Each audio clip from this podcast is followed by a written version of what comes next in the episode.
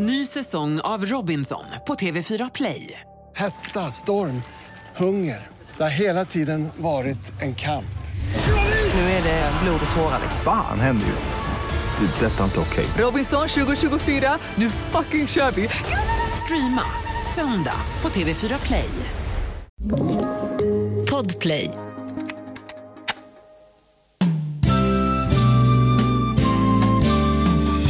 Hej och välkomna till Sveriges sämsta folkbildare. En podd för dig som vill lära dig lite grann. Med inga mindre än Clara Henry och Gustav Jernberg. Nu jävlar blir det åka av.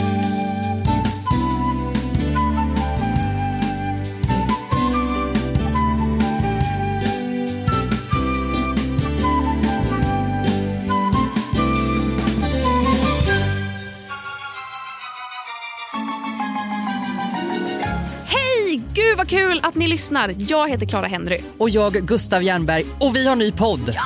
Vi kommer ju från vår gamla podd Konsten att vara men nu är vi här, nyare, smartare, bättre, snyggare. Allt man inte vill att ens ex ska bli efter att man lämnat dem. Exakt, och då undrar ni, Sveriges sämsta folkbildare, vad är folkbildning? Jo, det är sånt som bibliotek, folkhögskolor, studieförbund och föreläsningsföreningar håller på med. Alltså, de utjämnar utbildningsklyftor och höjer bildnings och utbildningsnivån i samhället. Ja, och en folkbildare då, vad är det? Ja, det är ju definitivt inte du och jag. Nej, nej. Vi är ju eh, kanske Sveriges sämsta sådana. Mm. Eh, vi är helt okej allmänbildade, definitivt googlingsproffs och eh, framförallt mästare på att tolka verkligheten till vår fördel. Japp. Jag kan informera att inga svenska myndigheter ställer sig bakom den här podden. Det är inte för att vi har frågat, men vi vet att de verkligen inte hade gjort det. Tro oss. Mm. Men med det sagt, vi gillar ju intressanta fakta, gärna eh, udda fakta. Och vi älskar historier och spännande teman. Och Vi vill liksom rädda världen och vi har ingen aning om hur det ska gå till. Och så liksom Inte minst älskar vi att lära oss grejer. Och Vi kanske då vill liksom lära er grejer på köpet. Så detta är alltså liksom podcasten för dig som vill lära dig eh, lite grann. Så med det sagt, i Sveriges sämsta folkbildares premiäravsnitt handlar det om Amazonas. Den sydamerikanska tropiska och subtropiska regnskogen som med sina 7000 kvadratkilometer utgör världens största regnskog. Så varför är den absolut jävla livsviktig för vår dumma lilla ras existens? Och varför skövlar vi den då? Och hur gör vi för att rädda världen från en nalkande Amazonas-relaterad klimatkatastrof? Och varför är Brasiliens president Jair Bolsonaro så jäkla sur på Amazonas egentligen? Ja, det ska vi lära oss idag. Lite grann.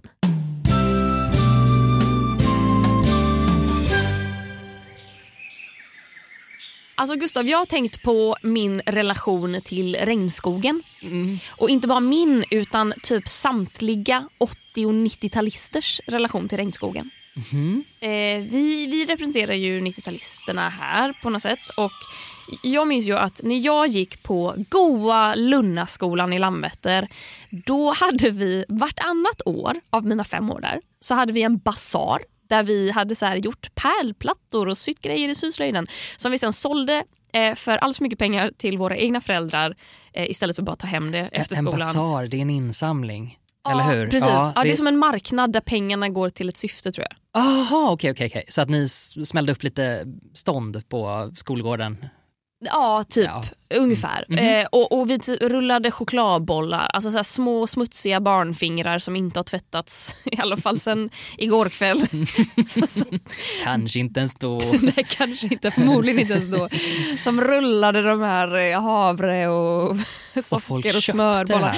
Ja, doppade i liksom strösocker och sen så sålde vi dem. Så Och här, slicka på fingrarna. och- Tio stycken i en påse som vi sålde för 25 spänn till våra egna föräldrar. Det, I vissa fall tror jag till och med att det var våra föräldrar som hade stått kvällen innan och rullat de bollarna. Och som hade betalat för bollarna, som hade rullat dem själva. Och sen var det såhär, vill du köpa? Man Ja, bara, jag vill köpa mina egna jävla system. chokladbollar. Nåväl, det var ju för en god sak. Ja. Och det var ju för att pengarna då gick till eh, Amazonas. Och så, så det gjorde vi vartannat år. Vartannat år hade vi dagsverke. Det vill säga att jag gick till alla grannar i Tahult, knackade på deras dörr och sa hej kan jag A. Klippa din gräsmatta. B. Kratta löven från din gräsmatta. C. Gå och handla någonting åt dig det bara dra åt helvete mot att jag får, Förlåt, mot att jag får pengar. Ja, så lämnar du fram en liten lapp så, så här, får jag chans på dig? Ja, nej, kanske. typ. Dra åt helvete. Verkligen. Och att de bara, om du går härifrån och aldrig kommer tillbaka så får du 20 spänn. Jag var bara deal! Pengarna går till Amazonas. Wow, miljökämpe. Ja, men grejen är att så här, jag minns att jag hade en, en så stark relation till Amazonas när jag var liten. Och jag har liksom pratat med så många människor som har samma upplevelser. Vi är så otroligt skolade i att Amazonas är det viktigaste vi har. Alltså, jag visste vad Amazonas var och att det var viktigt innan jag förstod att jag var viktig i Guds ögon. jag har också det där konstiga intrycket av att man har gjort... Jag har aldrig gjort så många saker för någonting som jag inte vet något om som för Amazonas. Så här, där har jag stått och krattat någon jävla eh, kyrkogård, eller så här, inte kyrkogård, vad heter det? Skolkyrkogård? Eh, Skolgård. Skolgård. Wow, Fast det var länge jag, jag förstår att det var en kyrkligt präglad uppväxt. Men stryk ordet kyrka så är vi hemma. Nej, alltså jag menar kyrkogården vi hade på skolan. Där har jag i alla fall gått och kvastat. Jag fattar fortfarande inte, du menar skolgård. Ja, jag menar skolgården. Tack. ja, ja. Där har jag gått och eh, sopat, heter det. Sopat skolgården. Jag har kvastat skolkyrkogården. På 90-talet för Amazonas. Förlåt, jag har också blivit dement. Eh, Men ja, det finns ett, en stark känsla av att Amazonas är viktigt för oss. Vi har lagt ner mycket tid på att försöka rädda Amazonas. Från vad? Alltså, och det här är väl det vi ska ta reda på idag. Åh gud. För det är väl alltså så här, let's be krass. Det är väl lite det det handlar om. Alltså nu när man är vuxen så förstår man att Amazonas var inte bara ett ställe där det fanns urfolk som hade typ häftigt smink. Eller förstår du vad jag menar? Jag förstår vad du menar. Eh, som typ var fattiga och behövde pengar. Du vet, alltså så här, man är, man, det, var, det var synen man hade som barn när man inte förstod. Liksom. Och idag står vi här och bara, vänta lite nu. Vi håller på att skövla det som suger upp så mycket av den koldioxid som vi släpper ut och förstör vår atmosfär och miljö med. För att folk vill ha pengar. Jag googlade hur funkar Amazonas och fick jättemånga träffar på hur funkar företaget Amazon.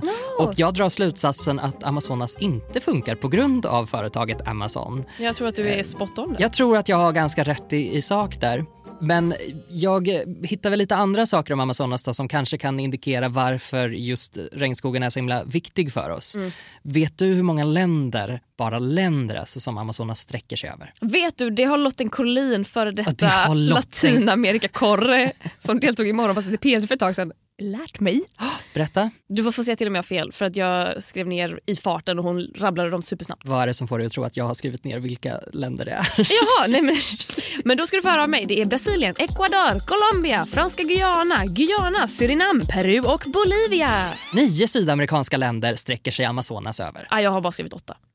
Då har jag missat en. Men jag, kan, jag gissar att det är Åtta Chile. länder sträcker sig, sträcker sig Amazonas Har du inte skrivit hur många är det? Är klart. Jo, jag har skrivit nio, men, Nio, men med de källorna jag har. Ja, en av de intressanta aspekterna med Amazonas är att eh, det är faktiskt hem för 10% av jordens alla djurarter. Mm. Eh, did you know att det hade ett sånt eh, magiskt ekosystem? Det är helt sjukt. Det är väl världens artrikaste plats. Ja, inte minst för att de också har 25 000 olika trädarter och då undrar jag, Klara, hur många trädarter tror du att vi har i Svea rike? Helvete, 25 000 olika trädarter. Men jag tror att Sverige har väl ändå kanske tall, en, ek, björk, asp. Nu är du klar, ungefär. Ja men jag gissar... ja, Då ska vi se. Nej, men Och jag, nu vill jag att du räknar upp alla som finns i Amazonas. jag gissar 100. Nej, vet du vad? Det är bara 20 stycken som finns i Sverige. Ah. Så att för att ha ett litet, en liten måttstock då mellan eh, stora Amazonas och lilla Sverige så är det en jävla skillnad på Åh, våra ekosystem. Herregud, det är helt brutalt. Ja, och regnskogen är alltså så stor så att den skapar sitt eget väder. Är inte det helt galet? Det är helt bisarrt. Har inte regnskogen för mycket makt? Eh, jo, eh, jag, menar tror här- att det är därför vi försöker skövla den, Klara. Men är inte det knäppt? Det är Här har vi- Det är därför Bolsonaro är så jävla sur på den. Här har vi Moder Jords lilla område som styr klimatet över en hel kontinent som i sin tur styr matproduktion till resten av världen. Ah, Är inte det knäppt? Är inte det helt galet? Hugg ner det. Nej, Nej, stopp. det var det som- det var det som vi var- Ska, det är inte det. Det är inte, det är inte poängen vi vill förmedla Nej, idag. okej. Jag har inte läst igenom min egen research eh, så att det är nog bäst att jag fortsätter läsa i mitt eh, dokument här. Det är faktiskt så att de håller på att skövla.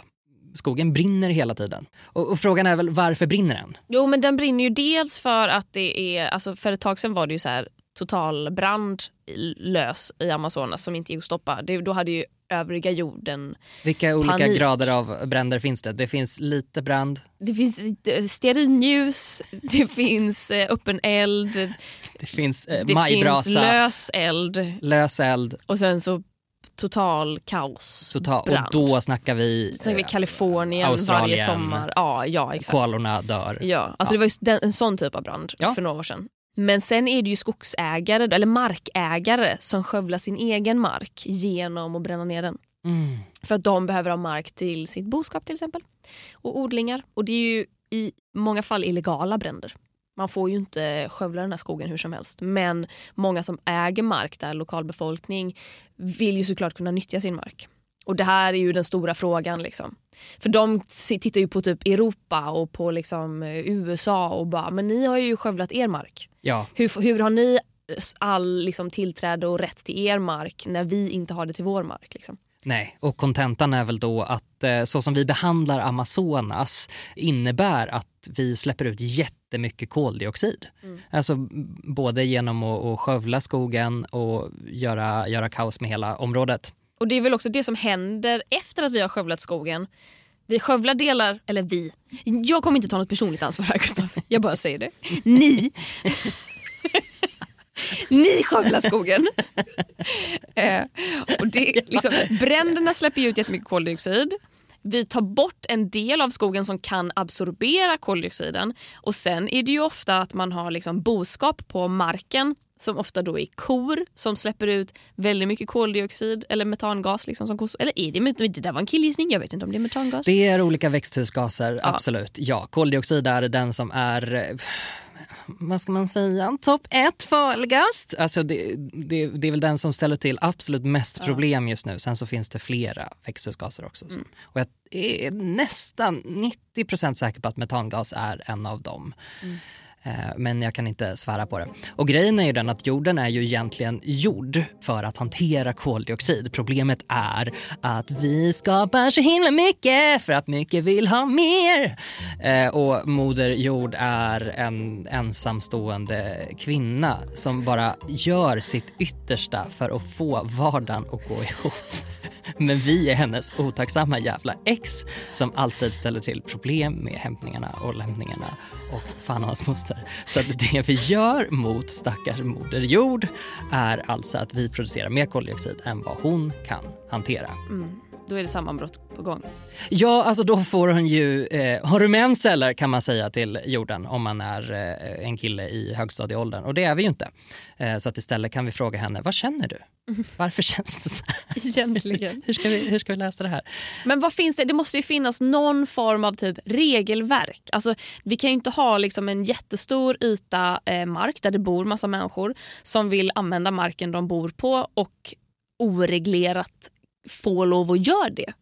Nej, och det är väl vi som är vana vid att reglera skiten ur allting. Eh, här i vår del av världen så är vi förhållandevis duktiga på det. Vi tycker väl alltid att det finns någon politiker som vill någonting annat. Men vi är ganska duktiga på att reglera och tänka på eh, hållbarhet och, och framtid och sådär. Medan i andra länder så kanske det är lite svårare att applicera samma kulturella intryck som miljökampen har gjort just i Sverige och i västvärlden. Så liksom.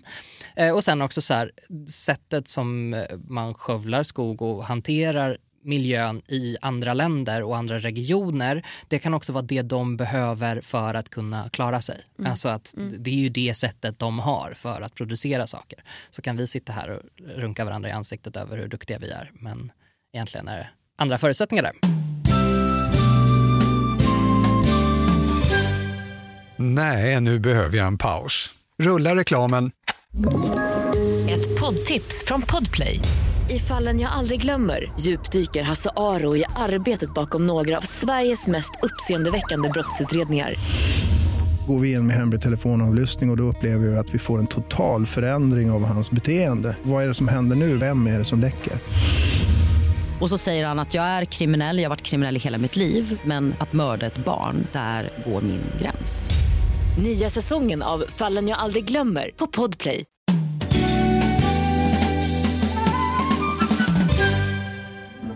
Och det sjuka med allt det här är ju nu att så här, man började skövla Amazonas på cirka så här 70-talet. Jag tror att det är därför vi brann så mycket för Amazonas eh, på sent 80-tal och tidigt 90-tal. Ja men exakt, för att var det inte så att man köpte in massa trä därifrån? Jo. Är det inte som det här eh, möbelträet som, som man inte får sälja, jacaranda får man inte sälja. Ja, det är massa olika Och typer av och- ädelträ Visst. som smugglas illegalt Ja, till, ja, ja. i många fall, Europa. Ja, från Amazonas. Och grejen är att 2021 så nåddes den absolut högsta avverkningstakten av Amazonas på 10 år. Och nu har ju det absolut värsta hänt. Det som alla har liksom fasat över ska hända. Att Amazonas släpper ut mer koldioxid än vad det tar upp. Den här regnskogen när- närmar sig då en superavgörande brytpunkt där regnskogen snart inte kan generera det regn som den behöver för att överleva och istället kommer kollapsa till savann, vilket då alltså är förödande för mamma jorden.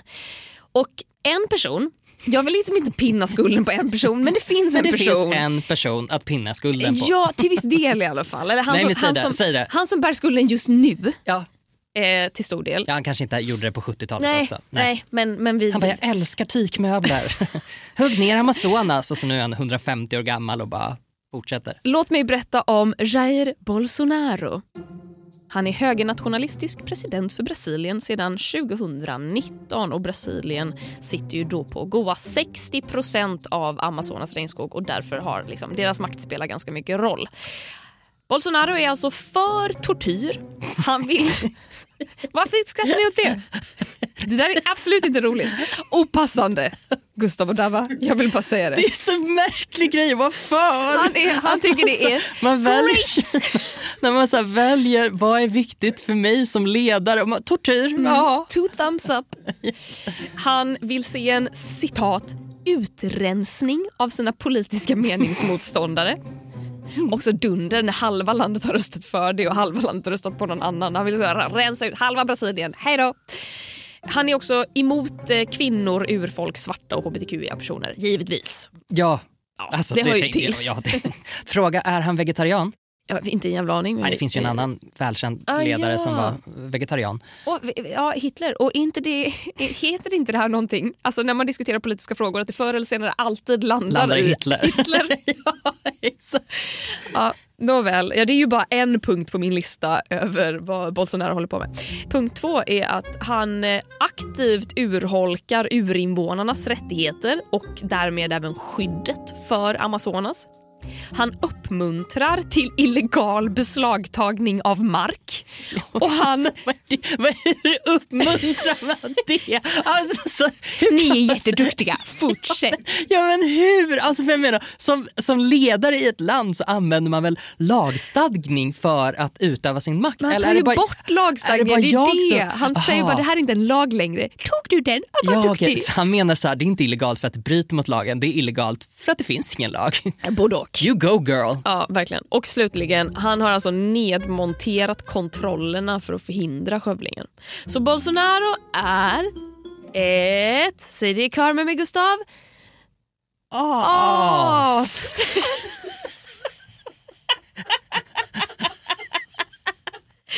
Absolut. En jättebra ledare höll jag på att säga. En inspiration för oss alla.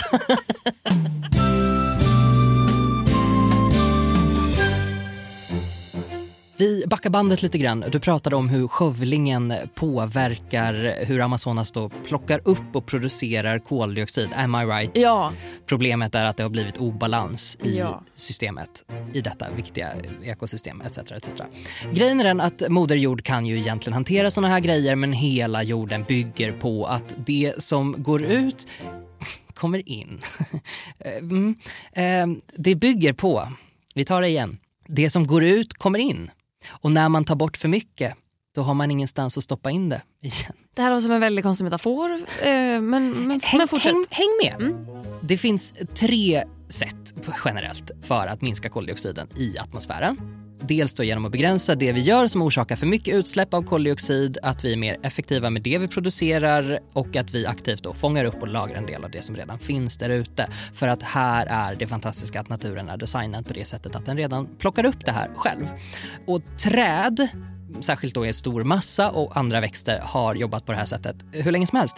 Men som i alla andra branscher så skiter man ju generellt i att uppskatta de som har jobbat länge och måste anställa någon konsult för att uppfinna hjulet igen. Så precis som Agneta som har jobbat i företaget i 45 år och inte vill bli ersatt av en ny förmåga med en examen i PK-kunskap har de här plantorna faktiskt hundratals miljoner år av kompetensutveckling bakom sig. Den här kompetensutvecklingen kallas evolutionen, Klara. Kort sagt, det finns inget bättre sätt att fånga och lagra koldioxid än det som naturen redan har hittat på. Problemet blir då bara att när vi bränner fossila bränslen eller skövlar skog för mycket så blir det inte ett kretslopp. Naturen får för mycket eh, koldioxid att hantera så att det hamnar upp i bland molnen och eh, så blir det varmt för oss alla. Och eh, vet du hur då det här naturliga reningsverket fungerar i naturen? Nej, jag, tror, jag har faktiskt ingen aning. Vet du vad? Det har inte jag heller. Nej, jag hade kunnat gissa det. Eh, Google verkar ha koll. Mm. Vi vänder oss till Google. Dags att fucking googla. Okej, fotosyntesen. Nu blir det spännande hörni. Växter som fotosyntetiserar tar upp koldioxid från atmosfären och omvandlar det till kolhydrater som binds in i växtens biomassa. Växter binder därför kol, framförallt under sin tillväxtfas. När växten senare dör och förmultnar eller förbränns återgår en del av kolet som koldioxid och metangaser klara till atmosfären. En annan del, framförallt kol som finns i rötterna men även en del av det som tidigare funnits i överjordiska delar. Alltså du hör ju själv hur tråkigt det här är. Ja, det är ganska, det, jag förstod inte jättemycket. Men det slog mig att jag fortfarande kan den kemiska formen för det druvsocker slash kolhydrat som bildas vid fotosyntesen. Ja, exakt. C6H12O6. Oj! Varsågoda, skriv ner. Det kanske kommer på provet. Poängen är i alla fall att för att naturen ska klara av att hantera koldioxider så behövs det de här stora landområdena med träd och växter som hjälper oss med det här. Så därför ska det inte skövlas. Ja, men det var ju faktiskt jättebra att vi lärde oss det. Framför allt så är det ju så, ja dels skövla inte, men också att man arbetar med de naturresurser som finns. Alltså att man jobbar med de naturliga processer som finns redan. Att man till exempel planterar träd. Vilket låter som en skittöntig grej men växter binder jättemycket koldioxid under sin tillväxtfas. Så om man hela tiden kompenserar för den delen som man måste ta till produktion till exempel. För jag menar vi kommer ju troligtvis inte sluta använda trä. Sen kanske vi inte behöver använda liksom jacaranda till varenda, varenda bord som vi ska ha hemma. Men vi kommer ändå fortsätta producera på något sätt. Men mm. poängen är alltså att använder man de naturliga sätten så funkar det. Mm. Nu Gustav har vi kommit till momentet eh, helt irrelevant popquiz med en lärdom som inte är toppen. Har alltså, två frågor. Det är ett väldigt bra segment. Det är ett otroligt... Ta, ta, den, ta den igen. Ja, det var ingenting jag hade skrivit ner. Jag tog ta, det bara i stunden. Jag vet inte, jag vill bara ha någon form av segway in på det här. Ta den där igen. Nu vill jag ha den med en jingel. Helt irrelevant popquiz med en slutsats som du kanske inte ska dra lärdom av. Den består idag av två frågor. Fråga ett. Gustav, här finns inget rätt eller fel. Jag vill bara veta. Eh, vad tycker du är värst? Kött eller kokain? alltså menar du för personligt bruk? Nej, eller? Jag vill bara veta vad du tycker är värst. vad det, tycker du är värst? Det finns inga fel svar. Um, oj, oj, oj. Men snälla, du måste ju se att kokain är värre än kött. Okay. Det är väl ändå... är vi inte ganska eniga i det? Nej, men jag, ja, okej. Okay. Kokain naturligtvis. Menar jag. Det var Jättebra, dumt. rätt svar. Det finns inga rätt och fel nej, svar. Nej precis, och därför var alla svar är rätt. Men då kom, det leder oss in på fråga två. Osökt in på fråga. Som är, vad tror du här finns det ett rätt svar. Vad tror du är värst för Amazonas? Kokain eller kött? Kokain. Fel! Nej! Boom! Det här är också, eh, så här, jag kommer förklara varför. Och Jag vill härmed ta avstånd från slutsatsen därför borde vi sluta äta kött och börja snorta kokain. Det är inte min poäng. Men det här är Det lite... är min poäng. Fun fact! Nej men så här, det här är ganska roligt tycker jag. Det är ju så här att kokaplantan som man gör kokain av, den odlas bäst på nyskövlad urskogsmark. Det vill säga OPK-drog. Och då är det så att då behåller man de högsta träden så att inte odlingarna ska synas från luften för man kontrollerar ju de här områdena med liksom helikoptrar och skit. Men grejen är den att kokain och kokaplantan behöver inte så värst mycket mark för att gå och odla. Det räcker liksom med typ en, två hektar skövlad mark till en hel kokainodling. Men kor däremot, en ensam ko, är du en kobonde som har en ko, då behöver den kon en egen hektar skövlad mark. Och de, de flesta kobönder har kanske då 30-40 kor. Och vad är en hektar? Förlåt. Jag är- Let's google this shit, jag har fan ingen aning. Dags att fucking googla. En hektar. Hektar är en areaenhet som är 10 000 kvadratmeter. Det är jättemycket plats för en jävla kossa. Har man någonsin så varit på en friidrottsarena med sin liksom, eh, gympaklass så kan man tänka 100 meters banan. Mm. Ja, tänk en jättestor äng. Tänker st- Ja. Min poäng är i alla fall, kossor behöver jättemycket mark, man behöver skövla jättemycket skog och de släpper ut skitmycket avgaser. Och då ska man ju också räkna in hur de liksom så här, det här köttet flygs över hela världen. Vi kan, man kan ju gå till liksom Ica i liksom Bollebygd och där ligger brasilianskt kött i våra frysdiskar. Bara transporten släpper ut hur mycket som helst. Medan kokain, Det är jättekul. du, Det finns, inga, dunder. det finns inga nersidor med kokain. Ja, vi tar starkt avstånd till allt som sägs i den här podden. Om vi inte redan har sagt det. Frågan är då vad vi kan göra åt det här, vi människor. Eh, Och det finns eh, då studier som visar vad det mest effektiva är för att rädda klimatet. Oh, tell. Kan du vara intresserad av något sånt? Ja, självklart. Det är kul att källsortera eh, men studierna visar alltså att naturliga klimatlösningar Alltså konservering, restaurering och förbättrat användande av land för att öka lagringen av koldioxid kan ge 37% av minskningen av utsläppen som vi behöver åstadkomma innan 2030 för att hålla de globala målen. Alltså de här två grader Celsius som vi pratar om att det här kan vi inte överskrida innan 2030. Enligt Parisavtalet. Enligt Parisavtalet, exakt. Då visar det sig att om man lägger resurserna som vi kanske använder för att då hitta på, återuppfinna hjulet då. Vi är konsulterna, Agneta som har jobbat 45 år, alltså moderjord, skogen, vet redan hur man gör och vi bara, men jag ska komma på en grej och jag vill göra på det här sättet så hittar vi en skitteknisk lösning på det och så funkar det ändå inte.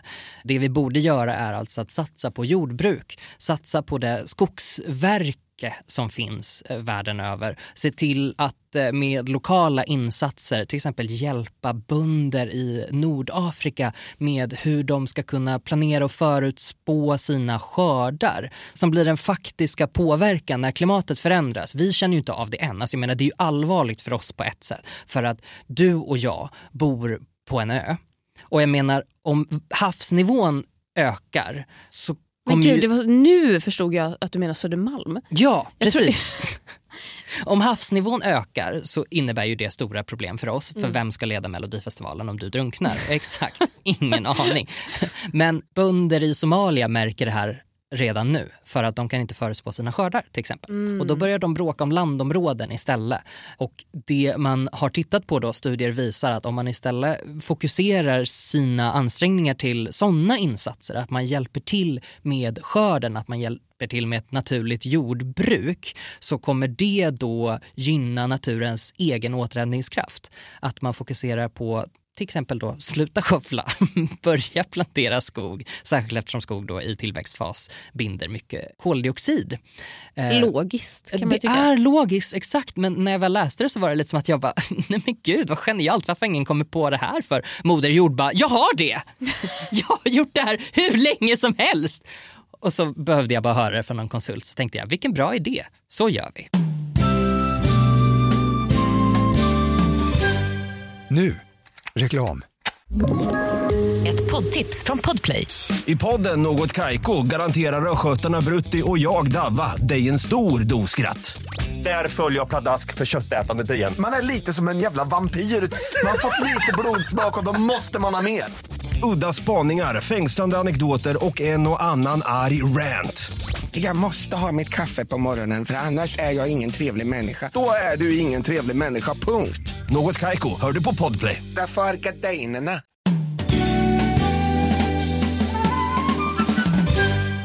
Jag har eh, lite tips till vad man kan göra som eh, privatperson. Mhm. Om man själv då står där i Bollebygd kanske och känner hur ska jag eh, lära bönderna i Somalia att förutspå vädret? Det kan jag inte.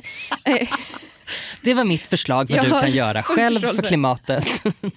Nej, men, och det, det finns ju några ganska givna grejer. Det första är ju då ja, men börja käka helt vego eller delvis vego eller det som passar bäst för dig. Men i alla fall, käka inte kött. För den största anledningen till skövling är just boskapsuppfödning. Och för helvete, äter du kött så köp för fan inte kött från typ Brasilien. Brasilien. Köp svenskt kött. Alltså Eko 101, köp närproducerat. Herregud. För är inte det också en tanke just kring eh, kött? Att det är även deras kost som spelar in. Att ett av de starka argumenten för att välja vegetarisk kost är också att man kan korta ner kedjan för när maten når oss. Att så här, ja men vad då ska grisarna gå och äta massa goa eh, betor? Mm. Vi kan ju lika gärna äta betorna och Ja. hoppa över grisen. Och Grejen är att en stor del av odlingsmarkerna i Amazonas är ju också sojaodlingar för att soja då är det som göder boskapet. Och PK-pojkarna, sojapojkarna.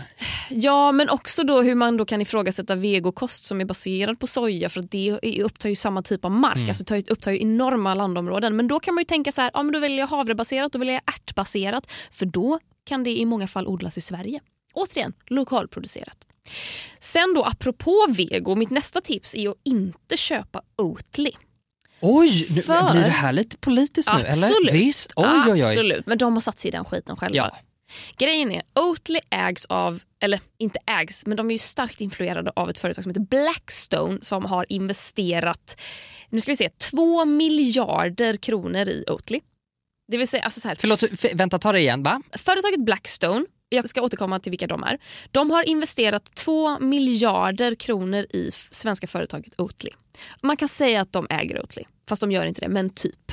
Och de är riskkapitalister? Ja, de är amerikanska riskkapitalister som aktivt driver på exploateringen av Amazonas. De är alltså schoolbook bad guys. De är polare med Trump. Det säger Mm. väl allt. Eh, och Det är sån ljuv ironi hur ett företag som Oatly kan liksom skaka hand med ett företag som står för deras diametrala ideologiska motsats. Ja, men det, här, det här kan man googla och läsa mer om om man är nyfiken. Eh, jag köper inte Oatly längre av den här anledningen. Vi går vidare. Apropå företaget Blackstone. Gissa vilka svenska bolag som investerar i dem? Jo, Swedbank och SEB. investerar miljard, men, ja, miljarder faktiskt, svenska kronor i Blackstone. Och grejen är att samtliga svenska storbanker, ja jag tittar på er Nordea, ja jag tittar på er Handelsbanken etc. De investerar i olika riskkapitalbolag med precis samma agenda.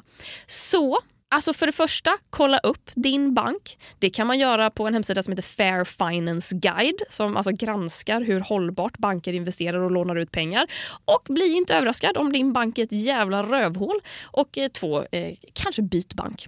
Sen kan man ju då, det här kanske inte applicerar på våra liksom unga lyssnare men kanske på om vi, om vi säger att vi har någon som är 45 och snorrik, alltså undvik tropiskt trä i ditt hem. Alltså typ mahogny eller andra träslag som kallas hardwood.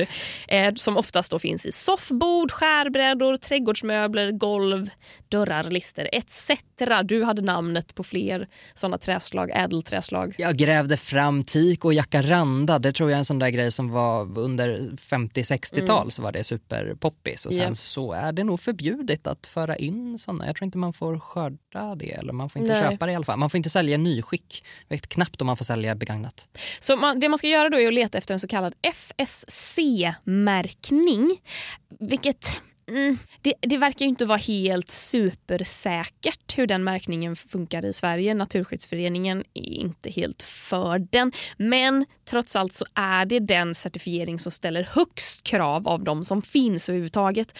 Så man vill Det finns kan man leta grader i helvetet. Ja. Ja. Men bara undvik tropiska träslag helt enkelt. Och det är min lista på vad du som privatperson kan göra. Nej, men det är jättebra. Det kan man ju göra helt själv. Då behöver man inte ens vara fiskare i Indonesien som planterar mangroves för att binda koldioxid och locka fram mer fisk. Nej. Eh, Det låter Hitta en jättepraktiskt. damm och plantera mangrove-träd. Det är mitt femte tips.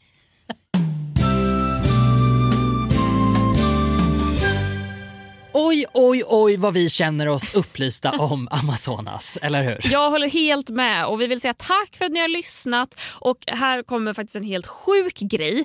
Det är nämligen så att den här premiärsäsongens andra avsnitt finns ute att lyssna på redan nu. Ja, alltså om ni lyssnar på det här i realtid medan vi släpper avsnitten. Lyssnar ni på det här i typ maj 2022 eller maj 2023 eller maj 2024? Eller en annan månad. Eller det finns andra månader också. Eller senare så finns ju såklart alla avsnitt ute.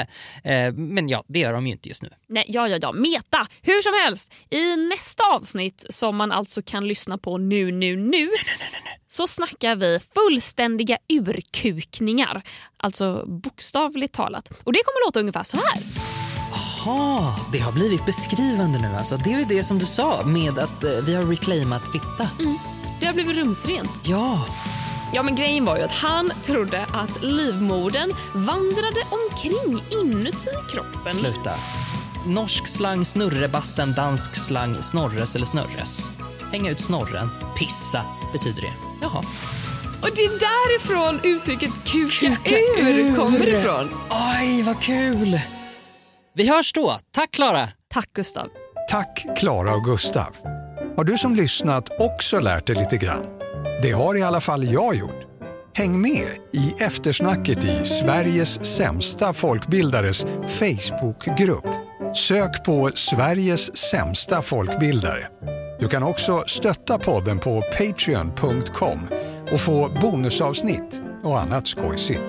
Och om du vill lyssna på Sveriges sämsta folkbildare en dag innan alla andra, ja då laddar du ner Podplay-appen. Det är enkelt som fan. Producent och klippare David Dava Persson. Hej då och tack för att du har lyssnat.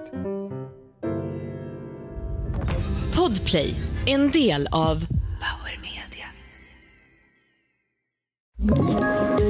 Poddtips från Podplay. I podden Något Kaiko garanterar östgötarna Brutti och jag, Davva, dig en stor dos skratt. Där följer jag pladask för köttätandet igen. Man är lite som en jävla vampyr. Man har fått lite blodsmak och då måste man ha mer. Udda spaningar, fängslande anekdoter och en och annan arg rant. Jag måste ha mitt kaffe på morgonen för annars är jag ingen trevlig människa. Då är du ingen trevlig människa, punkt. Något Kaiko, hör du på Podplay. Därför är gardinerna.